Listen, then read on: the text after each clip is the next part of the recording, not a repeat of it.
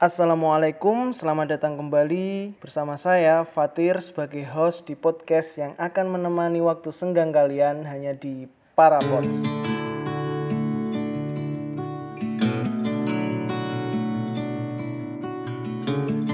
Selamat datang kembali di Parapods. Yeay! Parapot. Alhamdulillah, moga aja ini rekaman yang harus jadi. Cukup? Iki latihan apa enggak? Gak. Lu gak sama cukup. Gak apa-apa. Oke, baik pada kesempatan ini ya di episode kedua kita kali ini akan membahas tentang atau yang bertema tentang penggiat pariwisata dan saya bersama salah satu rekan saya yang bernama Rahmatullah. Siap. Mm. Siap. Setelah ini tolongan mas, apa? Sampai perkenalkan diri, Hmm. nama, terus kesibukan sama apa riwayat pendidikan. Siap. Oke, ya wis saya kira perkenalan Lanjut. Ini bahasa Indonesia bahasa Jawa. bahasa Indonesia saja. Bahasa Indonesia aja biar lebih Biar campur-campur nanti. biar kelihatan orang-orang Jakarta. Oke. Terima kasih Mas MC andalan kita, Mas Fadir Akbar. Enggak, enggak, enggak. Assalamualaikum warahmatullahi wabarakatuh. Eh, Bismillahirrahmanirrahim. Perkenalkan teman-teman pendengar setia Parapot. Nama saya Rahmatullah. Bisa dipanggil Rahmat. Bisa juga dipanggil Mamat. Bisa juga dipanggil Matula. Bisa juga dipanggil Abi, Ayah, Sayang juga bisa. Rumah saya di. Anjir. Saya asli Nganjuk. Eh, tinggal di Nganjuk. Rumah saya di Jatirejo Nganjuk. Bagi teman-teman yang bis apa ataupun apa pun juga bisa langsung kontak saya. Bisa hubungi saya juga di Instagram @matula M A T U L L A A. Hanya dua. Apa ini? Background pendidikannya. Oke. Nah, background pendidikan. Sebenarnya saya seorang diploma teknik mesin Hmm. dulu itu SMA-nya SMA komputer jaringan. Nah, keluar da- lulus alhamdulillah lulus dari di teknik mesin eh, namun lebih berkecimpung di bidang digital, kreatif, media, eh, marketing dan lain sebagainya. Jadi eh, mungkin untuk saat ini ilmu teknik mesinku masih belum dioptimalkan lah. Semoga suatu saat nanti bisa. Oke. nah, gini Mas, sampean teknik mesin. Siap. Tapi kok saya lihat sampean itu lebih apa namanya kegiatan sampean itu atau aktivitas sampean itu lebih banyak ke pariwisata. Nah, Jalan-jalan keliling alah. Indonesia dan lain sebagainya. Alah. Terus tak lihat atribut sampean ini ada tulisan Wonderful Indonesia, terus sekarang ini ya benar Wonderful Indonesia kan. terus generasi pesona Indonesia. Adakah hubungan sampean dengan itu? Nah, sebenarnya hubung sebenarnya semua jurusan bisa anu Mas ya. Entah itu ekonomi, terus eh, mesin, teknik, terus psikologi, penjaskes itu bisa traveling kan. Traveling itu kebutuhan semua umat, semua masyarakat. Hmm. Namun seperti yang di apa pertanyakan tadi, atribut atribut embel-embel atribut katakanlah wonderful Indonesia itu hanya gratisan Mas. gratisan. Tapi kan sampean bermitra dengan itu. Iya, bisa bisa dikatakan begitulah Mas. Dan Kalau alhamdulillah Kemenpar, eh, Kemenparekraf sekarang. Kemenparekraf ya. dan alhamdulillah eh, dapat beberapa kali dapat kepercayaan untuk ngelit konten mereka ngelit campaign mereka terus eh, Ngelit ngelit apa? mempersiapkan lah Oh, mempersiapkan. mempersiapkan konten mereka terus apa ya, membantu mereka membantu pihak kementerian untuk mempromosikan pariwisata dan ekonomi kreatif ke- apalagi ketika masa pandemi ini sih Mas. Iya, benar, benar. Jadi yang atribut yang kita pakai, atribut yang eh, biasanya eh, mengiringi kita, atau katakanlah bisa dikatakan sponsor lah, itu hanya eh, atribut gratisan. gratisan tapi kan penting Nah, itu beli, beli di Shopee bisa, Mas. Nggak ada di Shopee. Is, ada Nggak Shopee. ada. Shopee segalanya ada. Eh, nggak boleh sebut merek ya? Iya. Shopee ya? tapi kan sablon dewi paling. Ya, Nah, bisa, bisa terus gitu. gini mas, eh, kok bisa sih sampean bisa bermitra dengan salah satu instansi gitu kan? Atau kalau mitranya Kemenparekraf apa? sebenarnya mitra kayak katakanlah kementerian lain ya segala kementerian itu banyak banget Hmm. nggak nggak apa ya nggak apa jenenge nggak ter hanya satu pihak ketiga lah Hmm. Tapi sampean ini di apa mitra itu ada namanya nggak sih? Boleh sebut gak sih namanya? Janganlah. Nggak usah. Oh, nggak usah. Mending Sebut mending aja. anonim lah anonim anonim. Jadi eh, Mas Mamat ini juga ikut apa namanya komunitas ya berarti ya? komunitas. Salah satu komunitas yang bermitra dengan Kemenparekraf. Jadi eh, tujuannya itu untuk mempromosikan dan mengkampanyekan pariwisata. Ya. Gitu. salah satunya bukan hanya pariwisata nah komunitas untuk komunitas itu Heeh. Ini udah tahun ketiga eh kawan kawan ketiga kalau nggak salah ikut komunitas Genpi Indonesia Genpi Indonesia. dulu ikut yang Jawa Timur sekarang alhamdulillah dipercaya untuk ngisi ketua online di nasional Genpi nasional. Hmm. Genpi singkatannya apa? Mas? generasi pesona Indonesia Generasi Pesona Indonesia bukan Genpi ya.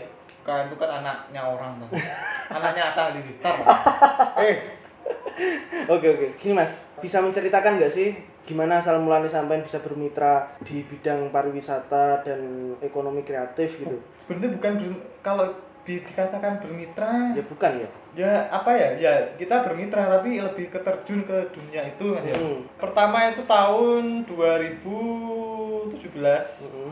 ketika itu aku masih kerja di kediri itu kan ya kita tahu ya karyawan biasa eh karyawan pabrik kan bosen ya butuh traveling butuh piknik dan lain sebagainya. Sering kali eh, iku aku solo backpacking solo traveling.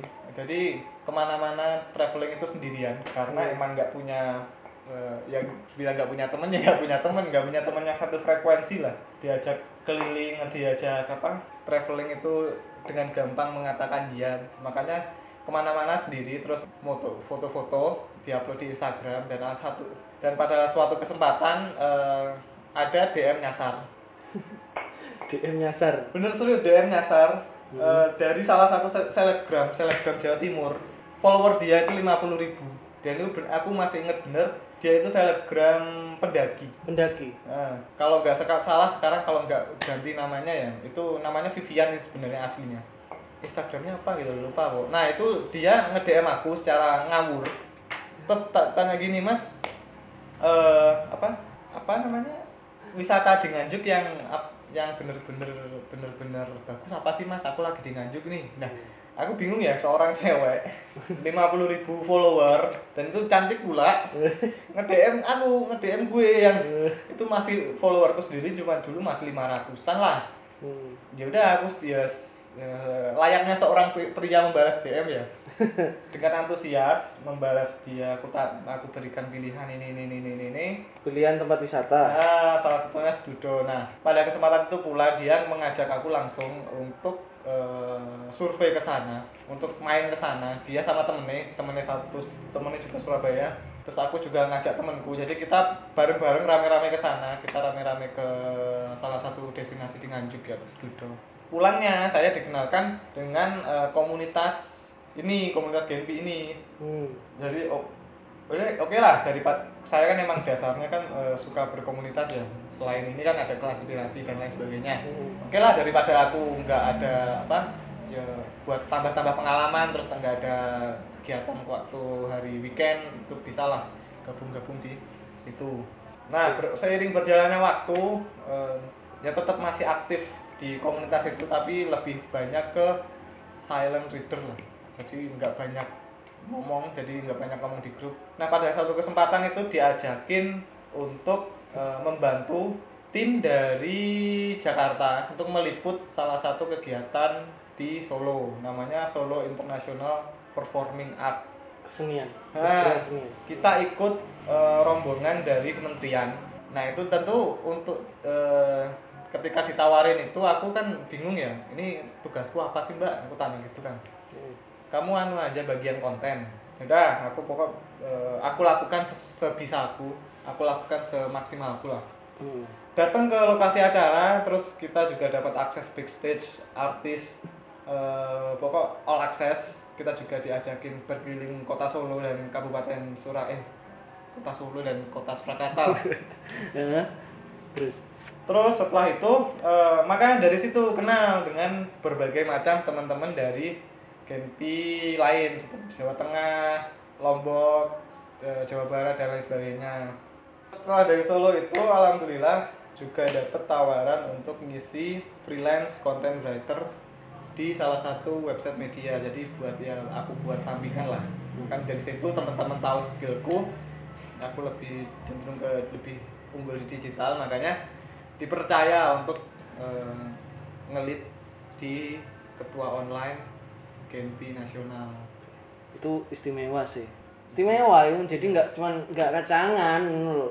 ya Kayak kalau ya kalau dibilang komunitas gede kan Genpi itu kan. sebenarnya gini poinku ketika aku oke lah aku iyain untuk eh, menjadi itu menjadi menjadi apa ketua, Ketua online, itu online.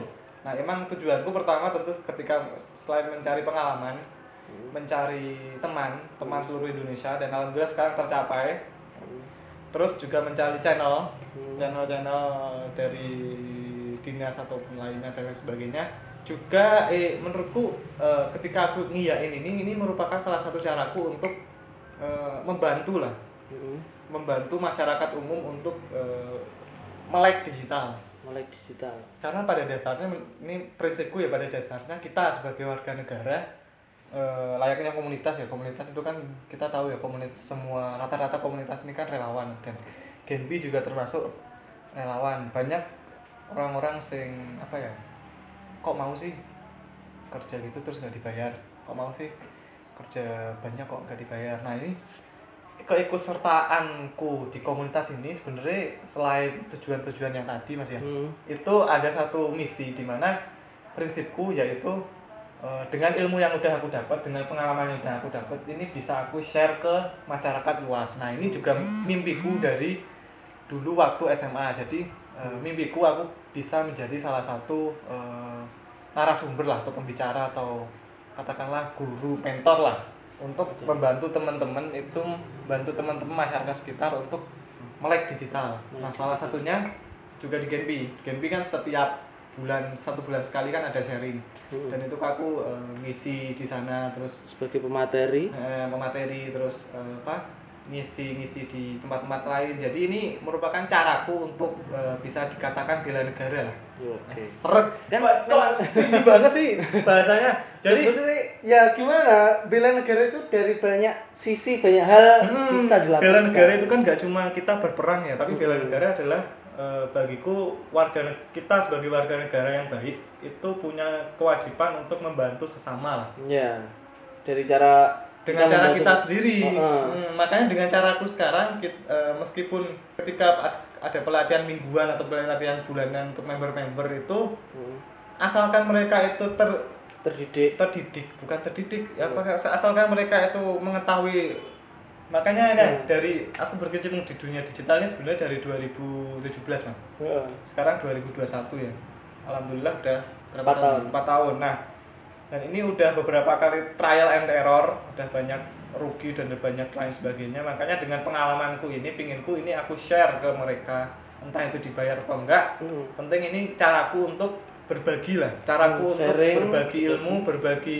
pengalaman jadi biar rata orang Indonesia ini melek digital mereka melek eh, marketing digital dan lain sebagainya biar ke ekonomi masyarakat kita juga terbantu. Makanya dari nggak ketinggalan zaman lah ya? Ah, dari situ. ya emang emang emang berat sih. Ya kita tahu ya kita kan realistis ya. Mm-mm. kadang mikir juga kok kok nggak ada bayarannya nggak sih? Tentu ya, tapi aku menyampingkan itu sih. Yang penting emang prinsipku Membantu.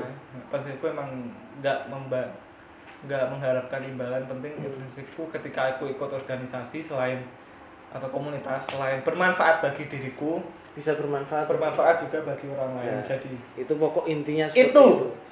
podcast mah eh parpot Terus gini, berarti kan juga nggak menutup kemungkinan juga bahwasanya aktivitas sampean itu selain dari eh, media digital itu juga sampean juga sering jalan-jalan juga kan mas ya?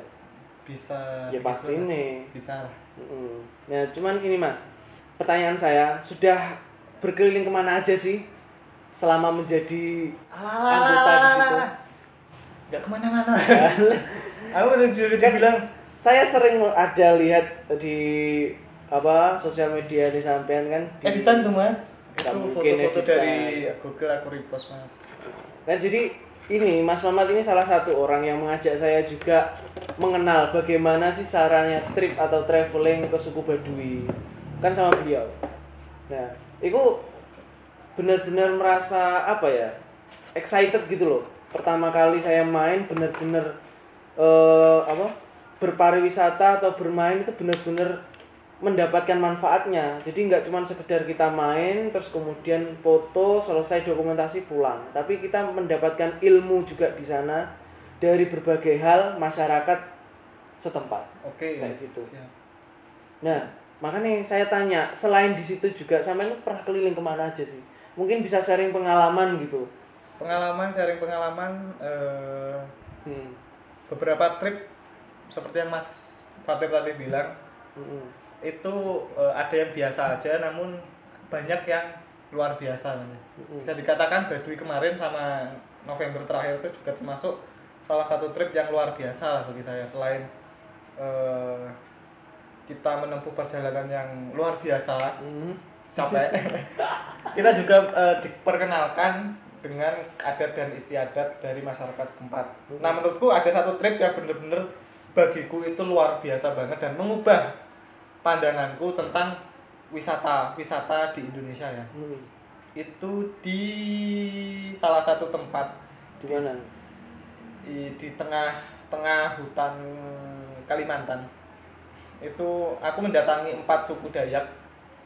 Eh, aku lupa sih Dayak. Pokoknya Dayak Iban sama Balo Apalin Hmm. eh pokoknya ada dua lagi lah. Nah itu selama tujuh hari kita di sana kita mengenal kehidupan mereka berinteraksi dengan mereka makan bareng berburu bareng eh, mandi bareng terus apa kita ada upacara adat bareng dan lain sebagainya nah itu merupakan salah satu trip yang tetap untuk saat ini begitu luar biasa eh impactnya lah Hmm. kepada diri kita daripada diriku lah dan kepada masyarakat di sana Hmm. Kenapa impactnya banyak di diriku? Karena selepas dari trip itu eh, aku lebih menghargai ya bukan lebih menghargai tapi lebih mengerti ya yang harus wisata pariwisata yang seharusnya itu gimana. Jadi seperti yang Mas Fatir bilang tadi kita nggak datang terus foto terus pulang tapi kita harusnya datang foto kenalan mencicipi baru kita bantu promosikan. Karena ketika kita di sana itu bener-bener eh, ibaratnya mereka itu begitu antusias dengan datangnya kita Senang didatangi ya malah ya. Eh, karena rata-rata yang datang ke sana itu merupakan eh, turis mancanegara nah itu pada tahun 2018 di akhir Hmm. 2018 aja bahkan itu kita satu rombongan itu tujuh orang itu satu-satunya wisatawan lokal yang datang ke kampung mereka Hmm. Padahal mereka itu punya eh, potensi wisata, potensi alam yang begitu benar-benar luar biasa. Ketika kita datang aja mereka eh, ada tarian adat, ada upacara adat, bahkan satu kompleks itu benar-benar kumpul. Mereka begitu antusias, antusias lah. Nah itu benar-benar membuat saya beribaratnya pingin nangis lah. Eh gila, aku disambut dengan sebegitu meriah. Iya. Nah, Soalnya itu- perjalanan itu kan memang disponsori. Ya itu salah satu perjalanannya. Hmm. Jadi seru sih emang kayak gitu. Nah, selain di itu di tujuh hari di no signal ya, tujuh hari di hutan Kalimantan yang benar-benar mengubah, sinyal. mengubah hidup. Nah, ada satu lagi trip di mana itu aku trip solo backpacking. Hmm. Itu di salah satu negara Oh. Di mana itu? adalah it lah. Dan itu benar-benar eh, mengubah saya di eh, pandangan saya tentang cara berwisata yang baik. Karena Gimana- gimana di sana emang peraturannya begitu ketat. Negara mana sih? Adalah tit. Lu kan Nanti kita ngomong kan ngerti. Adalah. Oh iya, dan. Itu benar-benar mengubah cara pandang saya untuk menjadi wisatawan yang baik. Nah, eh, sehabis pulang dari negara itu saya lebih mm, menghargai lah, lalu lebih belajar soal cara berwisata yang baik. Nggak usah sebut negaranya ya, sebut aja negara A. Nah, di, dari negara A itu saya belajar untuk menjadi wisatawan yang taat peraturan, Mhm. peraturan pemerintah lah khususnya. Mm-mm.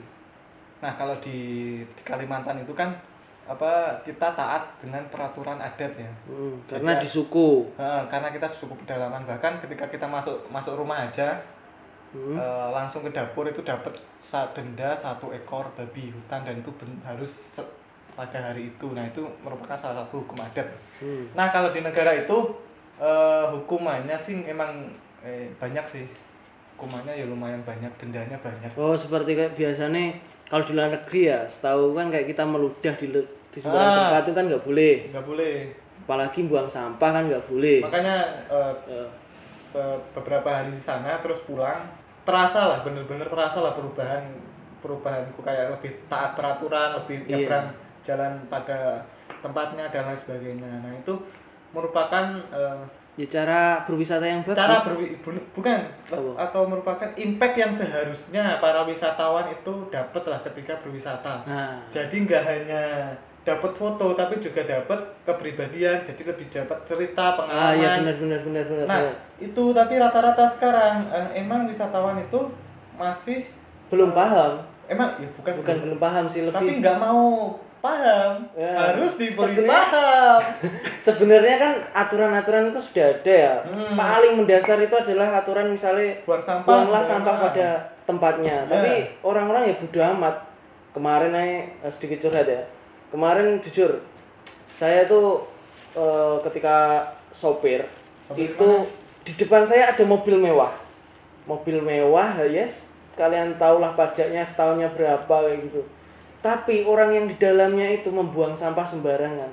Jadi dilempar gitu aja ya itu itu contoh sederhana ya. Apalagi kalau berwisata kan pasti buanglah sampah pada tempatnya. Hmm. nah jika teman-teman mau berwisata tolong diperhatikan masalah peraturan. Nah itu belum aturan-aturan yang ada pada eh, wisata budaya ya. Wisata budaya. Jadi yang ceritakan Mas Mama tadi kan seperti di Kalimantan itu kan ada hukum adat. Ketika berwisata nggak boleh langsung ke dapur. Ya itu sebenarnya umum juga ya. Di Jawa pun kalau kita apa main ke rumah orang kan nggak sopan nggak Hmm, sopan. Tapi harusnya- ada beberapa orang yang biasanya kan nek golek mangan yang pawon langsung ke dapur langsung kan Hmm. itu ada juga. Tapi memang seharusnya adab sopan santun itu juga seperti itu. Jadi kita tidak brunas brunus mas ya. Hmm. poinnya gini mas. Jadi ketika kita berwisata Hmm. pesen saya atau pesen harusnya teman-teman itu juga ikut serta eh, menjaga lingkungan nah sekitar bener berinteraksi dengan masyarakat sekitar. Iya. Jadi menjaga lingkungan sekitar paling simpel ya membuang sampah ya, jangan sembarangan. Mm. Berinteraksi dengan masyarakat sekitar paling simpel ya kita eh, membelilah makanan dari masyarakat sekitar. Kita ajak ngobrol lah. Hmm, tapi mahal-mahal pak Itu bisa siasati. coba. Beli beli aja akuat. yang Tapi kan, beli ah. produk dari apa yang dijual dari penduduk Hmm, sekitar jadi gitu ya. rata-rata teman-teman yang wisata itu kan beli di Indomaret, terus Hmm. dimakan di sana, sampahnya dibuang di sana kan ya iya yang sih sana dapat apa yang sana eh, masyarakat sana itu dapat apa cuma dapat sampahnya atau dapat rezekinya Hmm. makanya yang seharusnya Hmm. itu ini bagus sih bagus bagus bagus saya setuju banget jadi itu juga uh, mungkin dari dulu sebenarnya gini pak. Kayak saya pariwisata ya Kemenpar Rekraf ya pariwisata ekonomi kreatif. Kreatif. sebenarnya saya kan nggak paham kenapa pariwisata kok digabung sama ekonomi ekonomi kreatif. Tapi ternyata di situ fungsinya. Ketika kita berwisata ya kita memanfaatkan apa yang ada di lokasi tersebut. Atau kita mengambil eh, apa yang ada manfaatnya di situ dan orang-orang sekitar juga bisa mengambil manfaat dari apa yang kita kunjungi. Ya harus. Termasuk kita beli produk yang dijual oleh masyarakat sekitar. Hmm, makanya ini tahun ini kan ada eh, campaign dari pemerintah itu kan bangga buatan Indonesia. Hmm, itu kan hmm. salah satunya kita harus bangga memangkai produk-produk lokal kita. Jadi ketika teman-teman katakanlah datang di suatu desa adat nah di sana itu emang eh, penghasil tenun lah. Hmm. penghasil batik. Nah teman-teman juga bisa membantu mereka untuk survive ketika masa pandemi ini dengan cara Membeli membeli produk mereka. membeli produk mereka kalau kata ketika tenun itu mahal bisa beli yang ya yang receh-receh lah seperti gantungan kunci ataupun anu jadi jadi emang bener-bener yang dijual sama penduduk sekitar Iya. nah rata-rata wisatawan kan kalau beli oleh-oleh ya Hmm. itu kan entah di pasar modern Hmm. di airport Hmm. di stasiun yang eh, udah besar itu kan ibaratnya kalau bisa dikatakan itu miliknya milik suatu perusahaan yang udah besar lah. Iya. jadi ayolah ayolah kita mendukung kita mendukung produsen-produsen lokal lokal. ya benar benar kita benar. mendukung eh, apa? Oke ya. kita mendukung ya. ekonomi masyarakat. Kita mendukung ekonomi masyarakat. Mm-mm. itu memang benar sih masuk akal juga. Ya ya memang kayak gitu fungsinya. Kayak gitu. Terus ini pak eh, terlepas dari semua pariwisata itu atau maksud-maksud bagaimana tujuan pariwisata itu dari sampean sendiri nih ada nggak sih satu hal yang membuat sampean terinspirasi untuk melakukan atau untuk beraktivitas di dunia pariwisata itu satu hal sebenarnya gini kalau kita ngomong pariwisata pariwisata itu sektor yang seharusnya tidak ada matinya ya mas Mm-mm.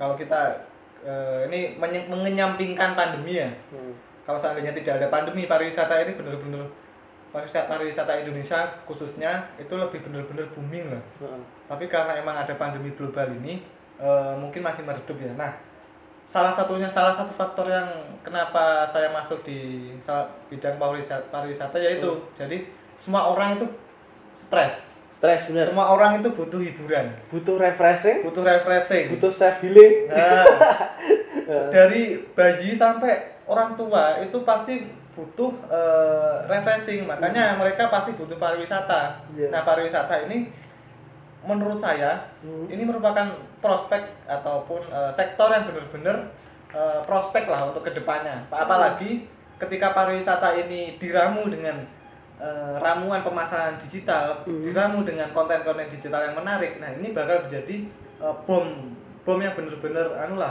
kuat lah sehingga ya benar tadi mengkampanyekan pariwisata itu bagaimana Hmm. fungsinya Nah selain itu pariwisata kan ketika ada ketika suatu daerah itu ada pariwisatanya, Mm-mm. otomatis kan ekonomi daerah itu kan mulai tergerak. iya Jadi segala sektor di sana itu eh, tumbuh, entah sektor perhubungan, ada transport, ada ada transportasi beca, ada ad- sektor ekonomi, ekonomi juga ada masyarakat yang jualan.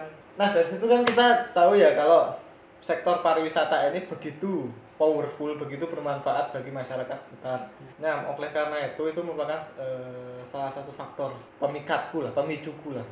yang menjadikan Suatu saat nanti aku pingin, mungkin ini mimpi suatu saat nanti punya satu destinasi wisata di mana itu bisa membantu masyarakat sekitar hmm, untuk tumbuh lah, untuk mandiri. untuk mandiri dari Hmm. segi ekonomi dan lain sebagainya ya Nah, jadi selain kita ya ki- kita kita butuh profit ya, tentu kita juga realistis kita butuh profit, tapi kita juga bisa membantu masyarakat sekitar. Apalagi eh, untuk saat ini pihak pem- pemerintah pun eh, lagi galang-galangnya itu eh, membumingkan desa wisata. Jadi saat ini pariwisata itu nggak hanya terfokus di satu wisata yang benar-benar mewah Hmm. karena sekarang buktinya desa wisata desa wisata itu desa wisata baru pun eh, pendapatan mereka itu miliaran Hmm. namanya pariwisata kan itu nggak seharusnya memang benar wisata alam saja kan. Hmm. pariwisata kan banyak memang benar seperti yang diprogramkan pemerintah itu seperti pariwisata apa wisata desa wisata. Nah jadi kita pun bisa berwisata ke desa yang mana desa ini mempunyai ciri khas tersendiri yang bisa dikunjungi. Ya sih benar benar benar benar seperti itu. Terus ini mas eh, saya mau nanya ya. Kan sampean sering berkeliling-keliling di mana-mana. Bisa sebutkan nggak sih paling jauh ke mana? Paling jauh? Hmm. adalah. Nah, setelah sebutnya aja. Aku jangan lah jangan. Nggak apa paling jauh di Yes, Malaysia Kediri. pernah. Gak gak gak Malaysia pernah. Pernah. Singapura? Pernah. Pernah. Terus Thailand Thailand? Thailand nggak sempet. Thailand nggak semua nggak sempet dulu karena emang nggak ada kereta yang ke sana. Oh, sebenarnya ada kereta lintas negara tapi dulu waktu udah mepet banget dengan pulang. Hmm. jadi kayak situ jadi nantilah besok. Eh, besok kan oke terus India pernah? Sekelibatan aja mas. Ya, tapi kan pernah. Yang Sekitar penting aja, pernah Mas. yang penting. Terus ke mana lagi? Kalau ne- luar negeri? Kalau di Asia Tenggara ya itu Brunei. Brunei pernah? Pernah PP mas. Nah itu Brunei jadi pengalamanku pertama kali. Eh, eh traveling antar negara itu naik kendaraan. Naik kendaraan naik darat kendaraan pribadi. Ya naik kendaraan darat lah. Rata-rata kan kendaraan kan apa ya pesawat lah. Ah. nah itu pengalamanku bener-bener jadi Brunei kan ada di Kalimantan ya dari Oh, pojok Kalimantan ah. yang paling utara itu kalau nggak salah apa ya Malaysia bagian apa no? Hmm. itu naik mobil sampai ke Brunei oh itu PP jadi pagi pagi ke sana Hmm. sorenya balik dan itu kegabutan kita dan ke- kegabutan aku dan teman-teman untuk iso iso nih gabut nanti insya Allah eh, mungkin kalau nggak setelah pandemi ini selesai aku punya satu lokasi itu di eh, menggapai ABC menggapai ABC kemarin kan ke mana yang dicita-citakan salah satunya itu Annapurna Base Camp di Nepal dan ada satu negara yang pengen bener-bener pengen aku datengin ya Heeh. itu tetap kita sebagai kaum mus- muslim ya itu pengen ke Mekah Ya pasti. tapi Ke Mekah pasti. ya, tapi caranya caranya aku nggak pakai pinginku Heeh. eh, backpacking backpacking.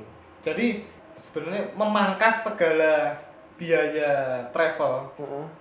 jadi kita ke sana bisa santai-santai bisa Hmm. eh, cari jodoh di sana Jadi nggak memang nggak Hmm, terpaku sama kayak dua. panitia panitia haji. ada dua Ya, ya kalau ke Mekah memang pasti ya semuanya pasti pengen ke sana. Cuman kan eh, dari salah satu cita itu kita anggap cita-cita yang wajib.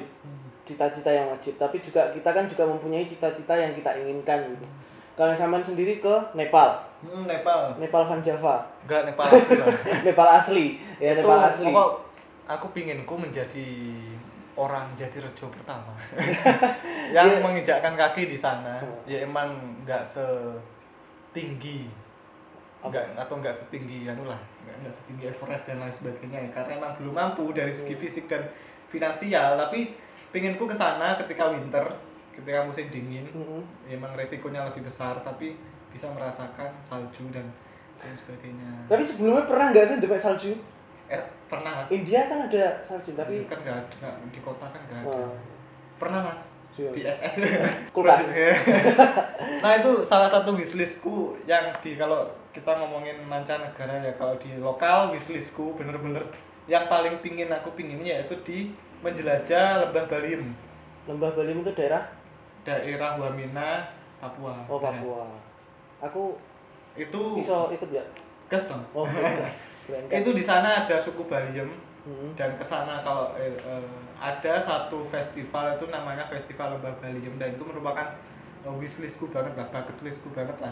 Pokok suatu saat nanti Harus ke sana. hmm, pengen melihat budaya mereka lah. Budaya mereka kan bener-bener asli ya mas ya. Hmm. Jadi pengen suatu saat nanti lah. Tapi eh, memang perlu juga kita mempunyai sebuah acuan ya untuk Hmm. pergi ke mana gitu. Jadi menurut gini, itu ada namanya anu mas. Kalau kita untuk masalah travel ya itu ada na- namanya bucket list. bucket list, Bucket, bucket kan Bucket kita list. tahu ya, bucket itu kan timbo. timbo. Jadi Ada. kita masukin aja tulis aja list-list gila kita, Mm-mm. list-list mimpi kita yang kita mau capai. Iya. Contoh kemarin ketika aku sebelum ke Nusa Penida, aku tulis itu, aku Oh. pengen ke Nusa Penida. Satu tahun kemudian ke sana. Hmm. Nah, dulu ketika aku SMA aku juga tulis, aku kan eh edu apa? SMA kan ya mem- memiliki kekurangan lah Heeh. yaitu gagap lah gak, gak bisa ngomong di depan umum ya dan Ya. itu aku tulis bener-bener aku tulis aku nekat aku pingin menjadi pembicara di depan orang banyak Hmm. Dan sekarang kesampaian. sampai yang Sampean sekarang berbicara pun yang dengar juga banyak nanti. podcast mak eh Tapi memang seperti itu. Saya pernah juga ya tahun 2016. Hmm. Tahun 2016 itu teman saya aja ada yang pergi ke Malaysia. Ada yang pergi ke masih Malaysia. juga ke Malaysia aja kemarin mas Ya, ya gini. Maksudnya ada Malah teman saya satu bulan di sana loh itu kan ya meskipun dua itu bulan loh meskipun enggak satu bulan itu project ah project sih. aku paling lama di program Malaysia tiga program minggu kampus. Itu program kampus. Sama kita tiga minggu. Maksudnya gini. Tiga eh, minggu sudah pingin pulang lah aku di Malaysia itu kan cita-cita ya. Dari 2016 teman saya itu ada yang ke sana terus saya titip pesen eh, kayak ya ke Malaysia titip tulisan-tulisan kayak gitulah. Zaman 2016 kan masih hits ya kayak gitu. Hmm. tulis pesen Malaysia tahun dunia Alhamdulillah setelah itu ternyata kesampaian nggak tahu sih gitu. tahun 2018 atau 19 sih itulah eh, benernya konsep gitu ya Hmm. jadi ketika kita punya mimpi kita tulis tulis itu merupakan salah satu action kita iya benar jadi kita mem- secara tidak sadar menanamkan eh, apa ya tujuan kita ke Hmm. alam bawah sadar kita iya benar benar jadi nanti en- entah caranya gimana Hmm. tapi percayalah semesta bakal menunjukkan Iya. Asik bisa bisa oke ya tapi iya sih Ya, memang itu. gitu makanya kemarin itu yang Nepal itu eh, sebenarnya aku tulis itu targetku 2018 ya ke sana tapi karena emang nggak punya dana masih nggak punya dana terus keterak pandemi Hmm. itu pinginku pokoknya setelah Setelah tahun pandemi depan ya. atau tahun depannya lagi lah Hmm. Saya juga punya mas. Saya juga Ke mana, Mas? punya bucket list. ke mana Pergi itu ke. Italia. Ngapain? Tapi ya main aja. Tapi meskipun itu tidak bisa saya capai pada waktu terdekat ini karena memang terbiasa apa terbatas dana Hmm. dan sekarang pandemi kan juga nggak mungkin. Jadi ya saya harap nanti saya bisa ke Italia bersama pasangan Asik. dunia Akhirat. dan siap siap. ya semoga ya. Ya, itulah itulah kenapa teman-teman eh, wajib untuk memiliki mimpi lah. Hmm. Mimpi itu wajib. Mimpi, itu wajib. gratis bener. Gratis dan itu adalah salah satu Tapi cara kita Nah, doa. selain sebenarnya. kita bermimpi tentu kita juga rata-rata orang Indonesia itu kebanyakan mimpi mimpi tapi nggak Tapi nggak ada action. Iya benar benar. Mimpi boleh tapi harus diimbangi dengan action kan ya. Hmm. Terus ini mas, tadi kan eh, di luar negeri ya, yang paling Hmm. jauh kan sampai jadi Malaysia, Singapura, Brunei sama India. Terus kalau di Indonesia, Indonesia itu menurutku yang paling jauh tetap di Kalimantan itu sih tapi Sumba, Sumba pernah kan? Sumbawa, Sumba masih belum Sumbawa, Sumbawa Sumbawa kan NTT aku Oh, lebih, iya. lebih sering ke NTB Kelompok, kelompoknya ya. Hmm. Itu cukup jauh juga sih. Jauh itu kalau Kalimantan? Jauh Kalimantan Oh, karena jauh Kalimantan itu yang kemarin aku datangin itu deket banget dengan perbatasan Sarawak Malaysia jadi Hmm. kita tinggal geser aja udah udah keluar negeri lah ibaratnya nah itu bener-bener masuk ke dalam hutannya kita dari kita dari bandara aja masih membutuhkan waktu 6 jam untuk sampai di sana Hmm. Eh, itu merupakan uh, unforgettable trip lah trip. Iya, iya. Karena selain memiliki pengalaman yang luar biasa dan saya mabuk luar biasa Mabuk darat. mabuk darat itu luar biasa Eh, jalanan di sana kan beda sama di sini ya Hmm. meskipun jalan di sana tuh sepi tapi lebih berkelok-kelok lah Hmm. Jadi ya inilah eh, perbincangan kita terkait dengan penggiat pariwisata. ya. Jadi sebenarnya pariwisata tuh ya ya seperti itu tadi. Cuman harapannya tuh eh, gini mas, berikutnya ini eh, ada nggak sih sebuah ya sepatah dua patah kata, tiga patah kata atau banyak atau pesan yang penting pesan Hmm.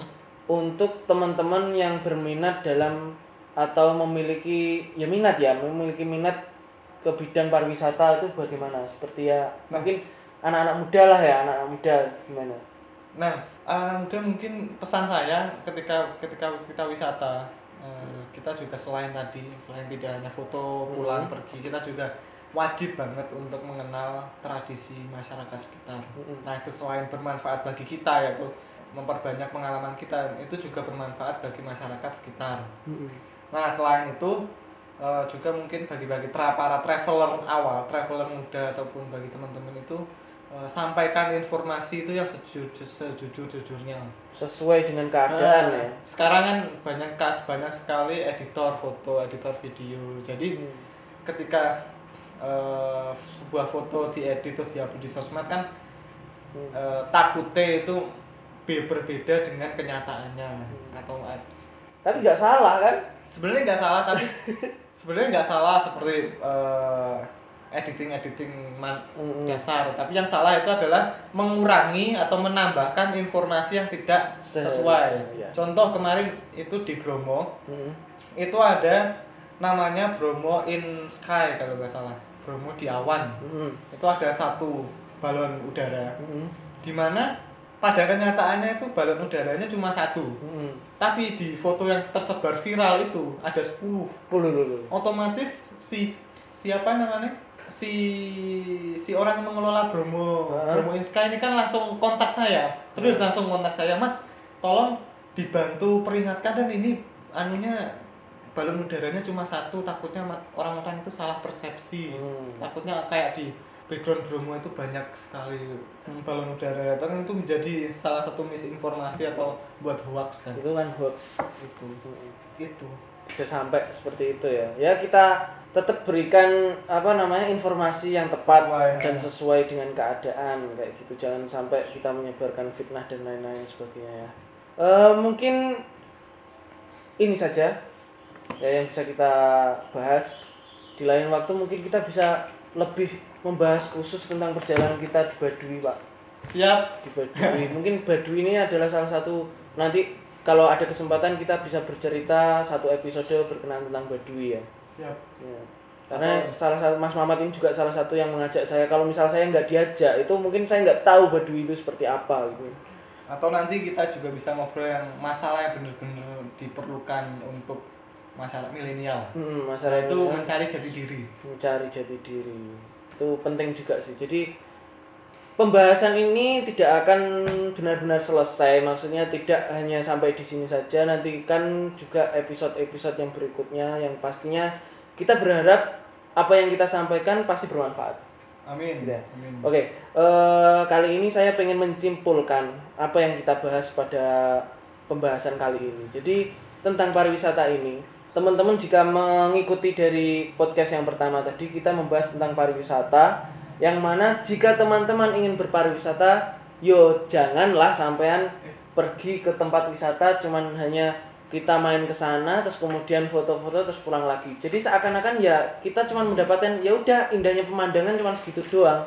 Tapi kita nggak pernah bisa merasakan bagaimana sih eh, membaca adat di sana, terus bagaimana sih kita mempelajari budaya-budaya yang ada di sana, bagaimana kita berkomunikasi oleh masyarakat sana gitu. Jadi kalau bisa ya kita belajar di situ gitu. Terus kemudian juga eh, selain daripada itu kita juga bisa membantu ekonomi masyarakat ya Pak ya. bisa Nah, bisa Kita bisa membantu ekonomi masyarakat ketika di sana ada jualan barang-barang yang khas daerah tersebut kita bisa membelinya. bisa siap Ya ketika makanan minuman lah. Kalau misal kita ke pantai kan ada tuh warung-warung makanan laut. Ya kalau misal mahal ya kita beli teri gitu aja. Gak usah sih mahal-mahal ya. Jadi intinya seperti itu. Terus yang terakhir tadi dari Mas Mamat disampaikan bahwasanya jangan sebar hoax juga tentang informasi walaupun itu memperindah foto ya. Itu nggak apa-apa kalau misalkan di, dituliskan di caption sejujurnya. Jadi foto ini saya edit kayak gitu nggak masalah ya. Tapi jangan sampai menjerumuskan atau membawa audiens pembaca sehingga ter- membaca hoax gitu. Yang sebenarnya di Bromo itu cuma ada satu balon udara, diedit jadi banyak, terus ketika orang membaca pasti ketipu gitu. Hmm. Wah, aku ke sana ternyata nggak ada balon udara itu dulu ya bareng promo tahun 2019 Hmm, 2019. nah 2020 sebenarnya mau ada namun pandemi Mm-mm. dan takutnya nanti salah persepsi lagi Iya. makanya di cancel Jadi ya seperti itulah. Bahkan eh, pemberitaan informasi hoax ini tidak hanya di pariwisata saja, banyak di berbagai hal. Apa mana nek bahas-bahas politik ya Pak ya, wis. Eh, jadi seperti itu aja. Sementara eh, kita membahas tentang penggiat pariwisata. Terima kasih Pak Mamat. siap terima kasih Mas Fatir Eh, semoga pembahasan ini bisa bermanfaat bagi saya sendiri, juga teman-teman, dan mohon maaf jika selama pendengaran selama pendengaran podcast tadi kita masih banyak berbicara yang ngawur atau ke kanan atau ke kiri. Yang terpenting adalah eh, konklusinya sudah saya sampaikan dan semoga bisa bermanfaat. Dan tujuan dari podcast ini saya katakan kembali bahwasanya apa pun yang bermanfaat silahkan diambil dan apa pun yang buruk silahkan dibuang jauh-jauh. Tapi setidaknya dalam podcast ini bisa apa Pak? bisa memberi pencerahan Nah, memberi pencerahan, bisa memberi informasi, bisa informasi, memberi, eh, atau hiburan paling penting ya meskipun bahwa gini. kadang nggak lucu. nah, bahwa eh, Indonesia kita itu luas. Mm-mm, negara kita itu juga luas banget. Mm-mm. jadi teman-teman jangan takut untuk eh, terbatasi lah. Ketika pingin kalau ngomong wisata kalau kita pingin ke mana pun jika teman-teman itu punya mimpi Mm-mm. mimpikanlah itu dulu. Terus ayo kerja keras untuk mencapai Cita-citanya. jadi mumpung eh, masih muda mumpung masih hidup jadi biarlah cerita traveling ini menjadi cerita tua kita jadi kita tua nanti tidak hanya dipenuhi dengan cerita-cerita eh, pekerjaan kita Ya. kantoran dan lain sebagainya tapi kita juga dipenuhi cerita tentang keindahan negeri negeri. kita Ya itu benar banget. itu Jadi benar. Teman-teman yang masih muda-muda masih banyak waktu yang luang. Silahkanlah tulis cita-cita 2021 ke mana, 2022 ke mana, walaupun nanti nggak kesampaian. Nah, yang setidaknya ada cita-citanya dulu. nah, jadi kita kita hidup itu punya tujuan lah Ah benar. jadi tujuan kita eh, ketika kita tulis itu tujuanku aku pingin ke Papua lah katakanlah gitu jadi itu merupakan tujuan kita rata-rata sekarang kan tujuan orang kan ya pingin kerja di BUMN PNS. kerja PNS pegawai Nagita Slavina Oh dulu.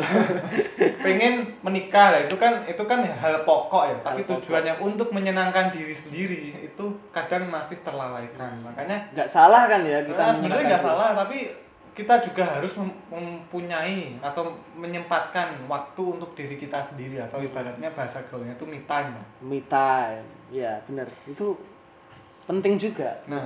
biar gak stres kan ya Ya, karena stres itu cepat mati ya.